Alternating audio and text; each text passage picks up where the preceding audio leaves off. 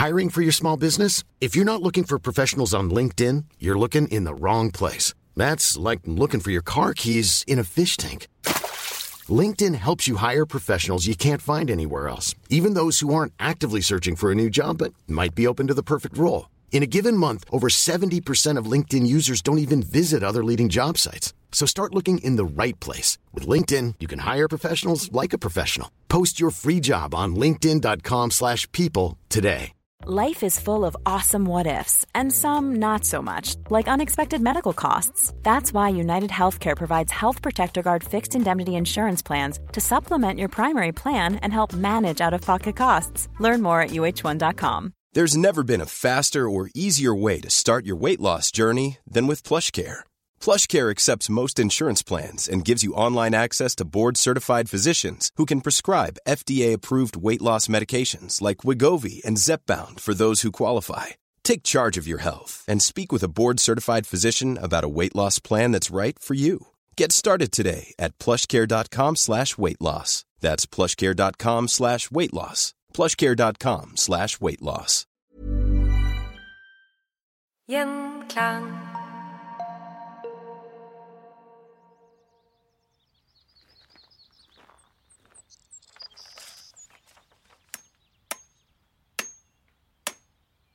Da Martin Luther presenterte sine teser og fikk Bibelen trykket på tysk, skapte det store ringvirkninger.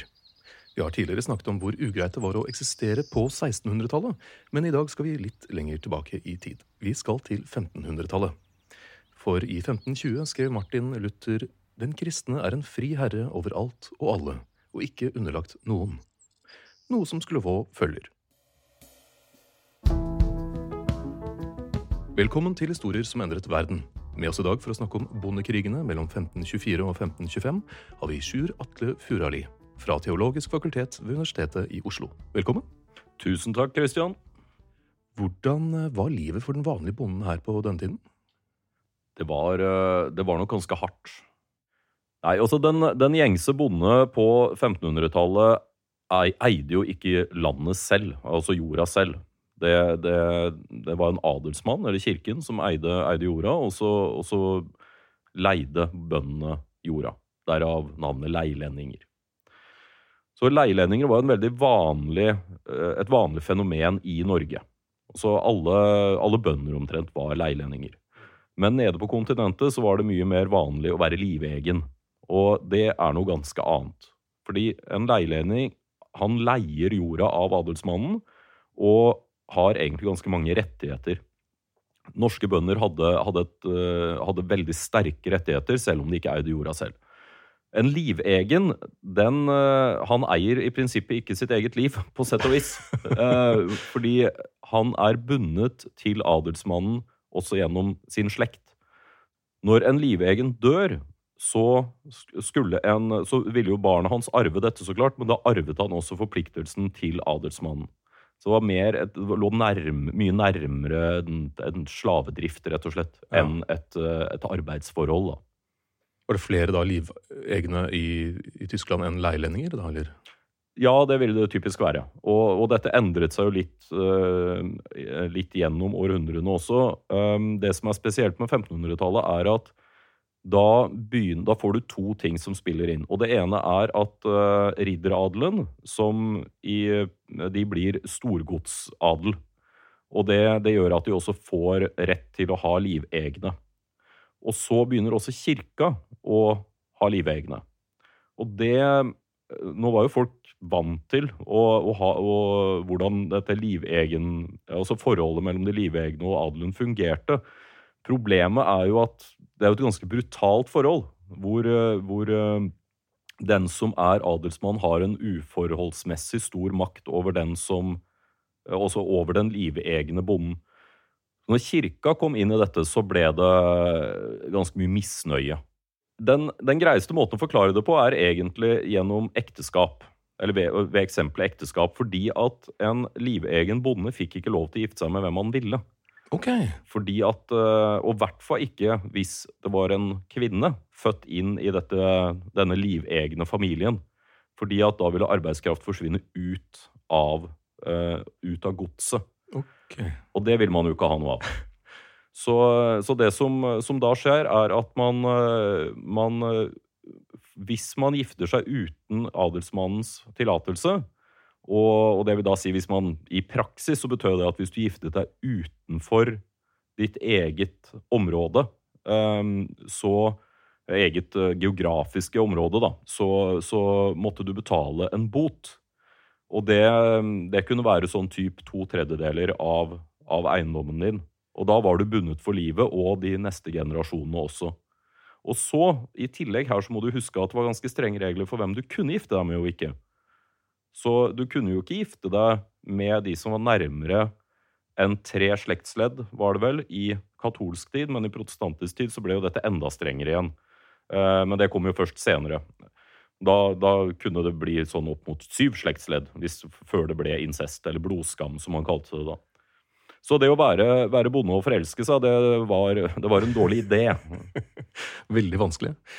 Men du nevnte kirken her. For på den tiden så var det jo altså da kongen og adelen de hadde den altså verdslige kontrollen på det verdslige, mens kirken da hadde det spirituelle. Men når kirken da skal også ha livegne, hvordan funker det? Nei, det funker jo ikke så veldig bra, da.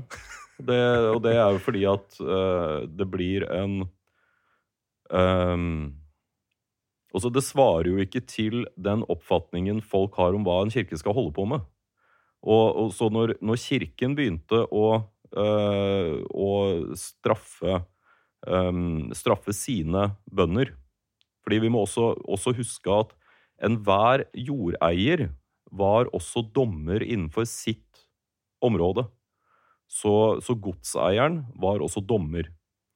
Så hvis noen begikk tyveri av ved, f.eks., som var ganske vanlig, ehm, så, så var, det, var det dommeren eh, Den dommeren han møtte, var også den som eide skogen, og som hadde kontraktsforholdet til han.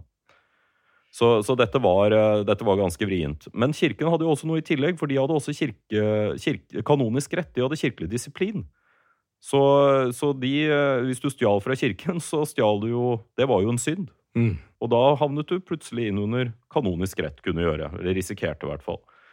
Og, og verken disse abbedene eller adelsmennene var spesielt glad i vedtyveri. Og grunnen til det eh, Det er jo ikke fordi de ikke hadde nok ved selv, eh, men det var fordi at dette var jo folk som var veldig glad i jakt.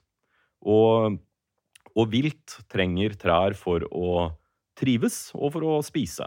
Så de vil ikke ha noe at disse bøndene, disse livegne bøndene gikk og plukket i skogen deres, for da ble det min, dårligere forhold til, til viltet som de skulle skyte. Kompliserte greier det der. Men så skriver jo eh, Martin Luther dette med at den kristne er en fri herre over alt og alle og ikke underlagt noen. Hvordan endrer det da synet fra bøndenes side?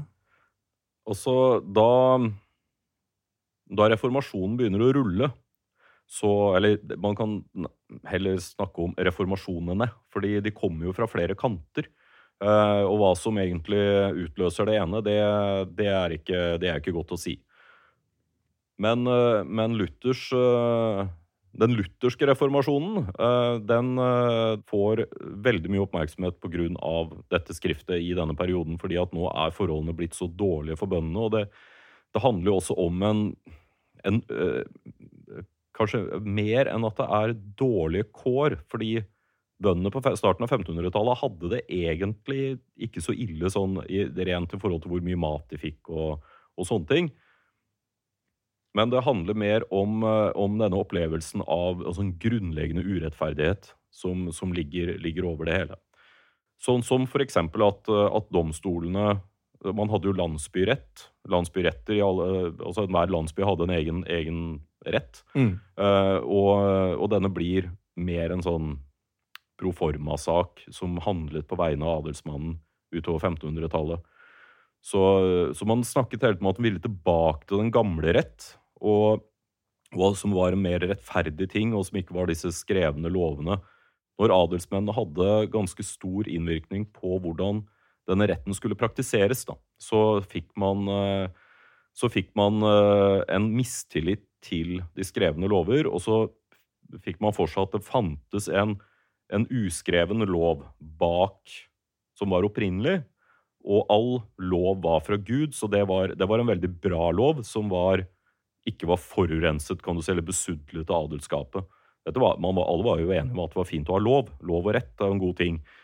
Men, eh, men dette eh, Når det da ble så store variasjoner også mellom disse godsene For én adelsmann mente jo kanskje noe annet enn en annen og ville ha andre regler i sitt gods og, og sånne ting enn naboen. Så ble det ekstremt uoversiktlig og opplevdes naturligvis ekstremt urettferdig også. Så det når, når Luther skriver, eh, skriver dette, dette, skriftet om den kristnes frihet, eller om den kristne frihet, så, så um, blir jo det vann på mølla, kan du si. Fordi at de, det er noen forhold som er endret her, og det er at man har fått trykkefriheten, så um, man får kommunisert ut ting mye raskere. Og dette hadde man ikke tidligere. Også, det har jo vært mange bondeopprør uh, opp gjennom historien. Men, uh, men de har stort sett vært ganske lokale og blitt kvalt ganske kjapt.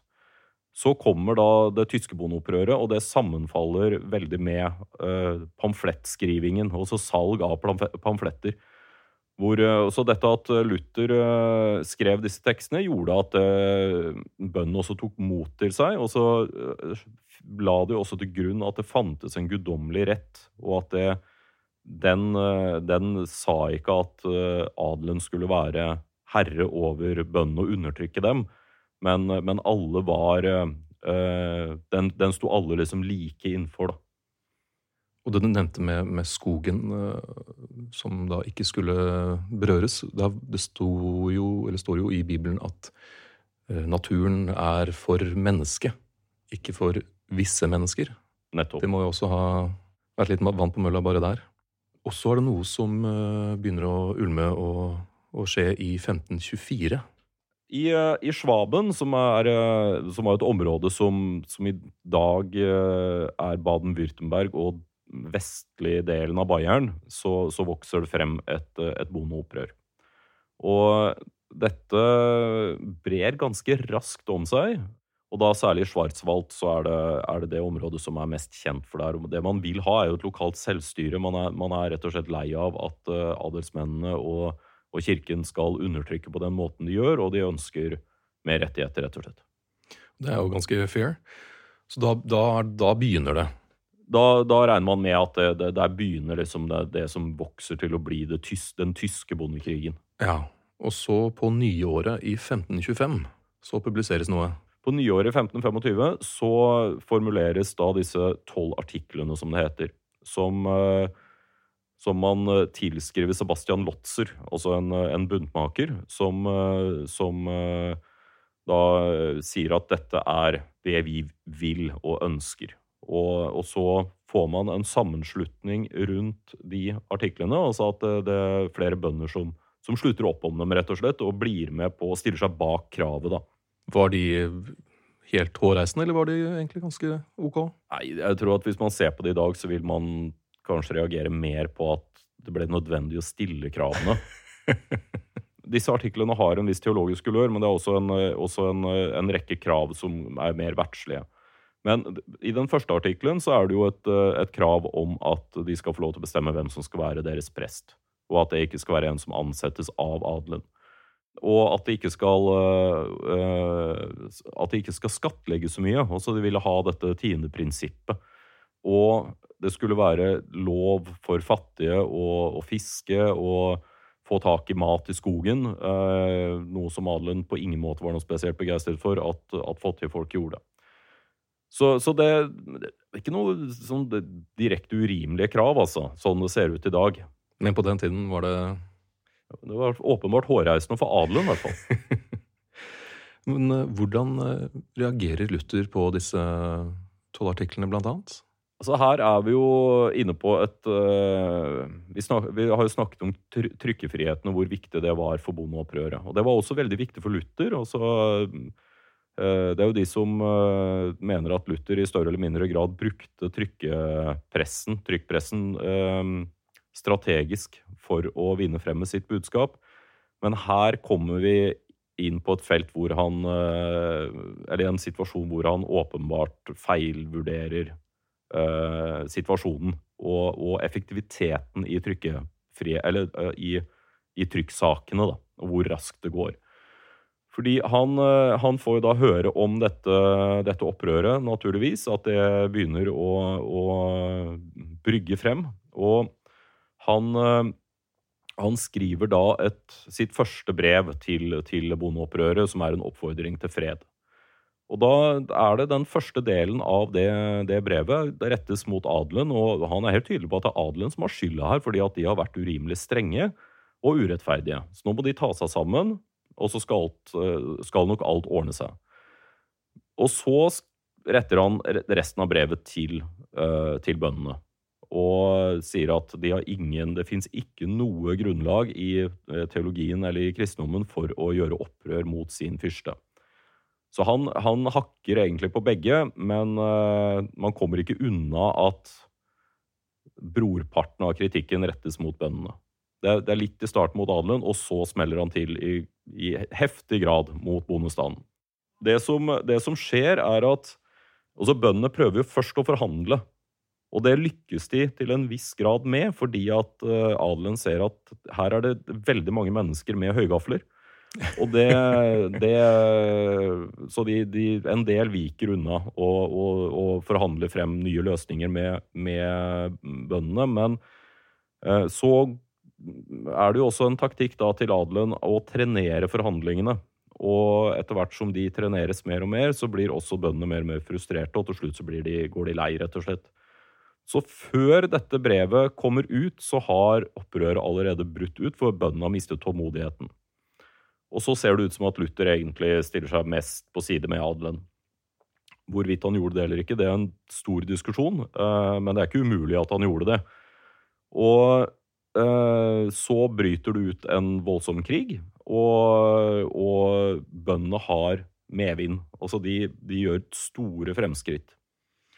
Og det som også var veldig viktig for Luther, var jo at eh, altså det å gå å bruke vold var eh, For å liksom oppnå dine verdslige krav, det, det, var, det var, en no go, liksom. Mm. Det, det, skulle man ingenlunde gjøre.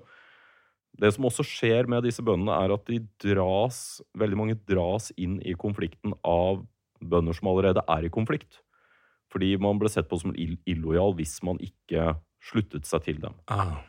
Og da har du et interessant tilfelle her, og reformatoren, reformatoren Balthazar Hobmeier, som uh, står veldig kraftig Eller han har tatt veldig tydelig side med bøndene, og han innfører noe som han kaller for det sekulære bann. Og det er at hvis du ikke ble med på opprøret, så ble huset ditt merket. Og så var det ingen som fikk lov til å handle med deg eller noe som helst. Skulle ha noe med deg å gjøre. Da var du på en måte paria kastet. Wow. Life is full of what ifs. Some awesome. Like what if AI could fold your laundry? And some, well, less awesome. Like what if you have unexpected medical costs? United Healthcare can help get you covered with Health Protector Guard fixed indemnity insurance plans they supplement your primary plan to help you manage out of pocket costs. No deductibles, no enrollment periods, and especially no more what ifs. Visit uh1.com to find the Health Protector Guard plan for you. There's never been a faster or easier way to start your weight loss journey than with PlushCare. PlushCare accepts most insurance plans and gives you online access to board certified physicians who can prescribe FDA approved weight loss medications like Wigovi and Zepbound for those who qualify Take charge of your health and speak with a board certified physician about a weight loss plan that's right for you. Get started today at plushcare.com slash weight loss. That's plushcare.com slash weight loss. Plushcare.com slash weight loss. Everyone knows therapy is great for solving problems, but getting therapy has its own problems too, like finding the right therapist, fitting into their schedule, and of course, the cost. Well, BetterHelp can solve those problems. It's totally online and built around your schedule. It's surprisingly affordable too. Connect with a credentialed therapist by phone, video, or online chat, all from the comfort of your home. Visit betterhelp.com to learn more and save 10% on your first month. That's BetterHelp H E L P. Hvor mange bønder er det vi snakker om her? Det, det, det, var, det, begynte å bli ekstremt mange etter hvert. Så, så, hvor mange er omdiskutert. Uh, man hadde jo ikke noen verveprotokoller eller, eller, noe sånt. Så Eh, men i hundretusentallet er, er absolutt sannsynlig, altså. Det er mange. Veldig mange. Og i hvert fall på denne tiden hvor, hvor, man ikke, hvor det ikke var så lett å mobilisere. Og jeg tror dette også kom som et sjokk på adelen. at Pga. disse pamflettene som ble solgt overalt, så, så ble det plutselig mulig å, å, å, trekke folk til seg og starte store opprør. da. Og så vinner de de første slagene? Ja, det går ganske bra i starten, men, eh, men så kommer man da til, til, dette slaget, det berømte slaget i, i Frankenhausen. Og her er det en, eh, en viktig skikkelse som, som etter hvert blir hærfører, og det er Thomas Munster. Thomas Munster, er, eller Thomas Munster var en radikal reformator, men han var også uh, hadde også en fortid, en felles fortid med Luther. Fordi han hadde forsvart Martin Luther og hans venn Andreas Karlstadt på disputasen i Leipzig i 1519. Hvorpå Luther anbefalte han til en prestestilling i Zwickau. Så de, de var de kom fra det samme, på sett og vis. Mm -hmm. uh, hadde i hvert fall en felles fortid, om enn liten. Men uh, Münster blir etter hvert ganske mye mer radikal enn en Luther. Og der Luther mente at uh, Man er jo veldig kjent med, i hvert fall i Norge, kjent med Luthers mantra om at frelsen er ved troen alene. Mm. Det var ikke Thomas Münster enig i i det hele tatt. Også hans, eh, deres felles, eh, tidligere felles venn Andreas Garlstad, han mente jo at troen måtte komme til syne gjennom gjerningene. Men Thomas Münster mente at troen måtte vises aktivt gjennom ditt liv, da. Og så, så han krevde enda større handlings... Eh, eller han ropte på enda mer handling enn det Karlstad gjorde også. Og i hvert fall mye mer enn det Luther gjorde. Og han har også en eh, Luther er også for, for mange kjent for, eh, for, det man kaller å være en korsteolog. Men Thomas Münster hadde en litt annen forståelse av det. fordi For Luther så var det å være en korsteolog det var å leve under korset. Og, og, og i den forstand at man hele tiden minnet seg selv om at Luther led for dine synder. Det var på en måte noe som skulle ligge der over hele tiden.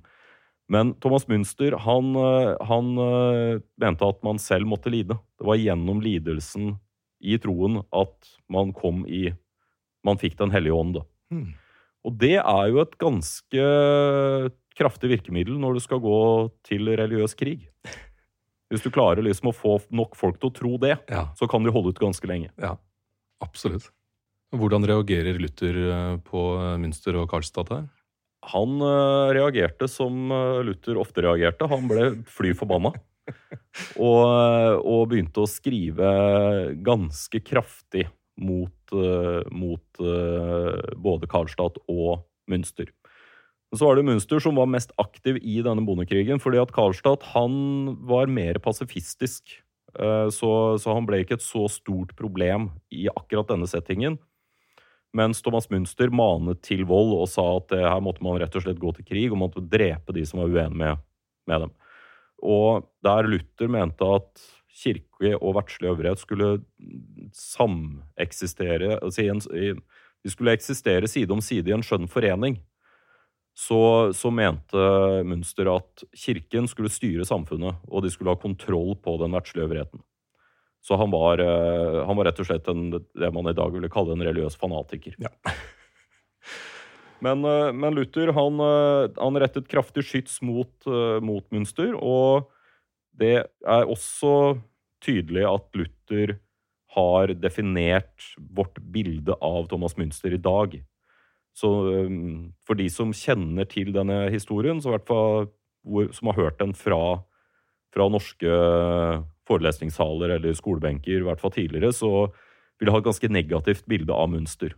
Og det kan man nok i stor grad takke Luther for, og han ga han nok Münster enda mer av ansvaret for bondekrigen enn det som faktisk var tilfellet. Men det er ingen tvil om at Münster hadde en veldig aktiv rolle der, og i hvert fall på slutten. Og, og Luther skriver, eh, skriver, også et brev da i mai, i starten av mai i 1525 så skriver han sitt andre brev til bondestanden, som da het, som, han kalte, som nå kalles Mot bøndenes røver- og morderbander. Og her går han Han retter et så kraftig skyts at, uh, at uh, det er nesten parodisk å lese i dag. Men dette var jo ramma alvor, og, og nå, nå, legger han all skyld på bøndene. For nå har bøndene hatt masse fremgang. Og, og han begynner å bli bekymret, bli bekymret for hva, hva, er det nå, hvordan skal dette gå. Luther var livredd for at adelen skulle falle også, for da tenkte han nok at mange av rammene i samfunnet ville forsvinne. og da ville det ikke gå så godt, fordi at uh, uh, hos Luther så er det et viktig teologisk prinsipp også at, uh, at mennesket er grunnleggende ute av stand til å gjøre så veldig mye godt. Og, og det hvis de ikke har disse rammene rundt seg. Ok, ja. Så, så, det, det eh, så, så, for han så var det, var det, nødvendig at noen opprettholdt lov og orden. Men, eh, men, så skriver han dette brevet i starten av mai, og det kommer nok ikke frem i tide, for da i Frankenhausen i den 14. og 15. mai så står det store slaget mellom bøndene og adelen. Og ja, det, det, kan hende at Luther rakk å få det ut, men det de fleste leste det etter slaget. Det var flere som leste det etter enn før, i hvert fall. Og, og her blir 6000 bønder slaktet ned av eh, omtrent like mange riddere. Og, og det, som, eh, det som skjer her, er at eh, de ble rett og slett livredde. Det er en uorganisert armé av, av bønder. De, de, var jo ikke trent til store slag. Så, så lenge de ikke hadde overtaket av å være i et enormt flertall, så, så ble det nok veldig usikkert for dem hvordan de skulle forholde seg til, til slaget. da. Uh, I tillegg så er det Thomas Münster blir, blir sviktet av, av, noen som har lov til å stille opp, men som ikke gjør det. Så i stedet for å ha noen tusen, så står han der med noen hundre. Uh, som han kan bidra med. Uh, og under dette slaget så tar han også over styringen av hæren, og det, men det hjelper ingenting. Så, så de fleste legger på, på, røm, og det blir slaktet. 6000 blir slaktet, og så regner man med at 600 ble tatt til fange. Eh, og så er det en liten håndfull som unnslipper, deriblant Thomas Münster. Okay. Så han klarer å rømme og gjemmer seg i et hus i Frankenhausen.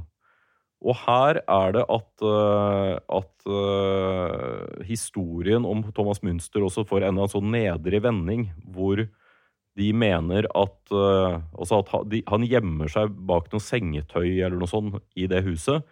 Uh, og, og, da blir han uh, liksom fortalt frem som en veldig sånn feig person som når, når det virkelig gjaldt, da, da, da, prøvde han liksom å gjemme seg, rett og slett.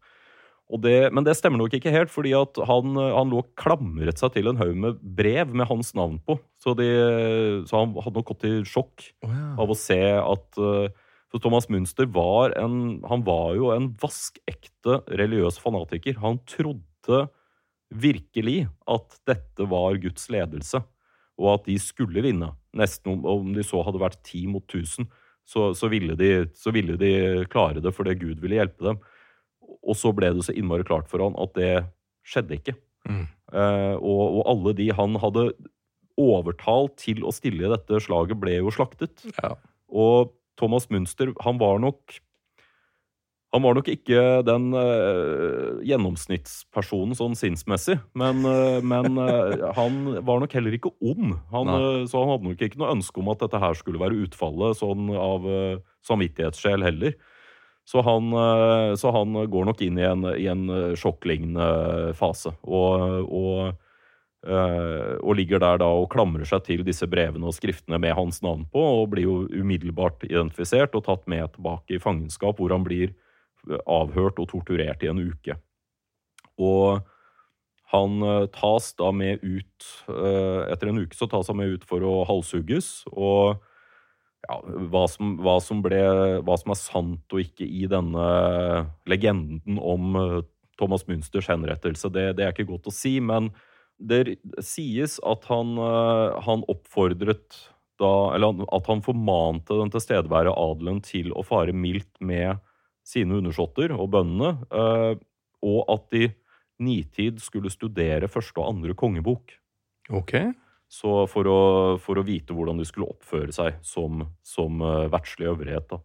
Og trosbekjennelsen den skal han da så vidt ha klart å, å stotre frem før, uh, før bøddelens sverd da skilte hodet fra, fra hals, og, han, og, hodet hans da ble plassert på en stake.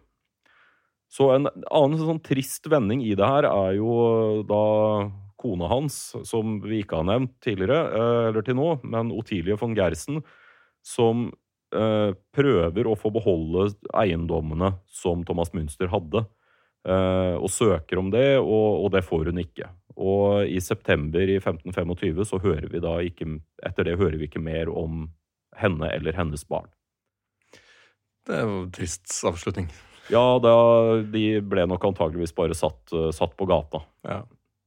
Men dette brevet, brev nummer to fra Luther Det kommer frem etter denne slakten, ja. mm. Og, og da da er det ikke mange som har sympati for, eh, for Luther. Eh, da, da, fremstår han jo som en ordentlig drittsekk. Ja. Og eh, han blir overtalt til å skrive et tredje brev, for det, man må huske at Luther han tok ingen selvkritikk på det her. Det, også han, han var misforstått, og det, det var det var tåpelig å, å, klandre han for disse tingene. Så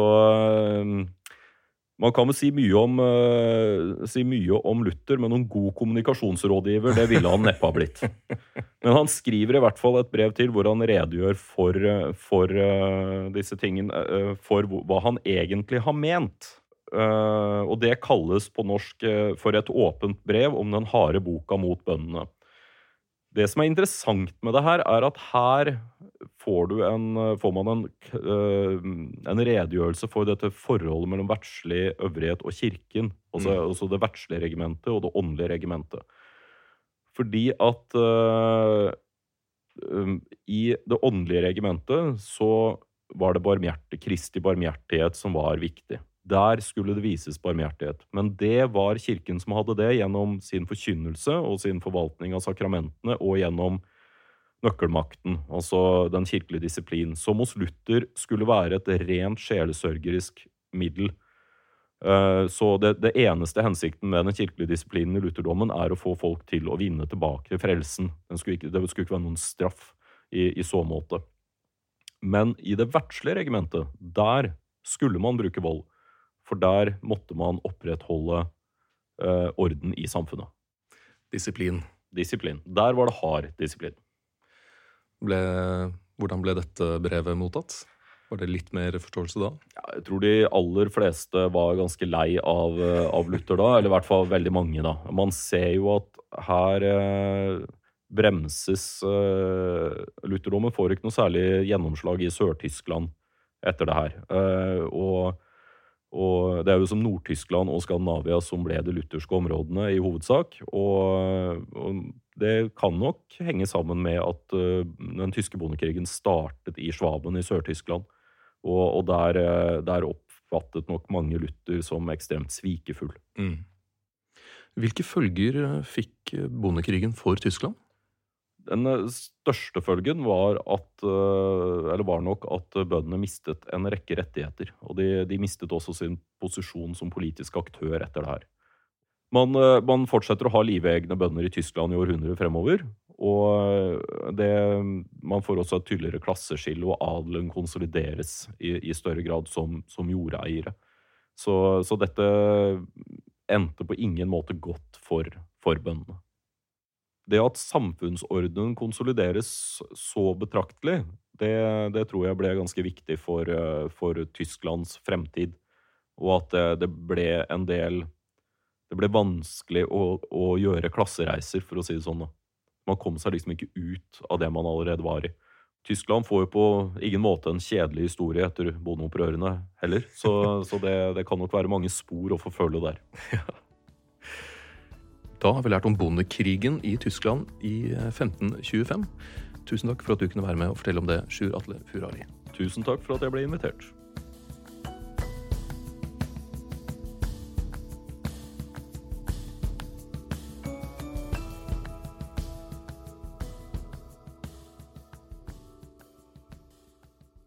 Gjenklang.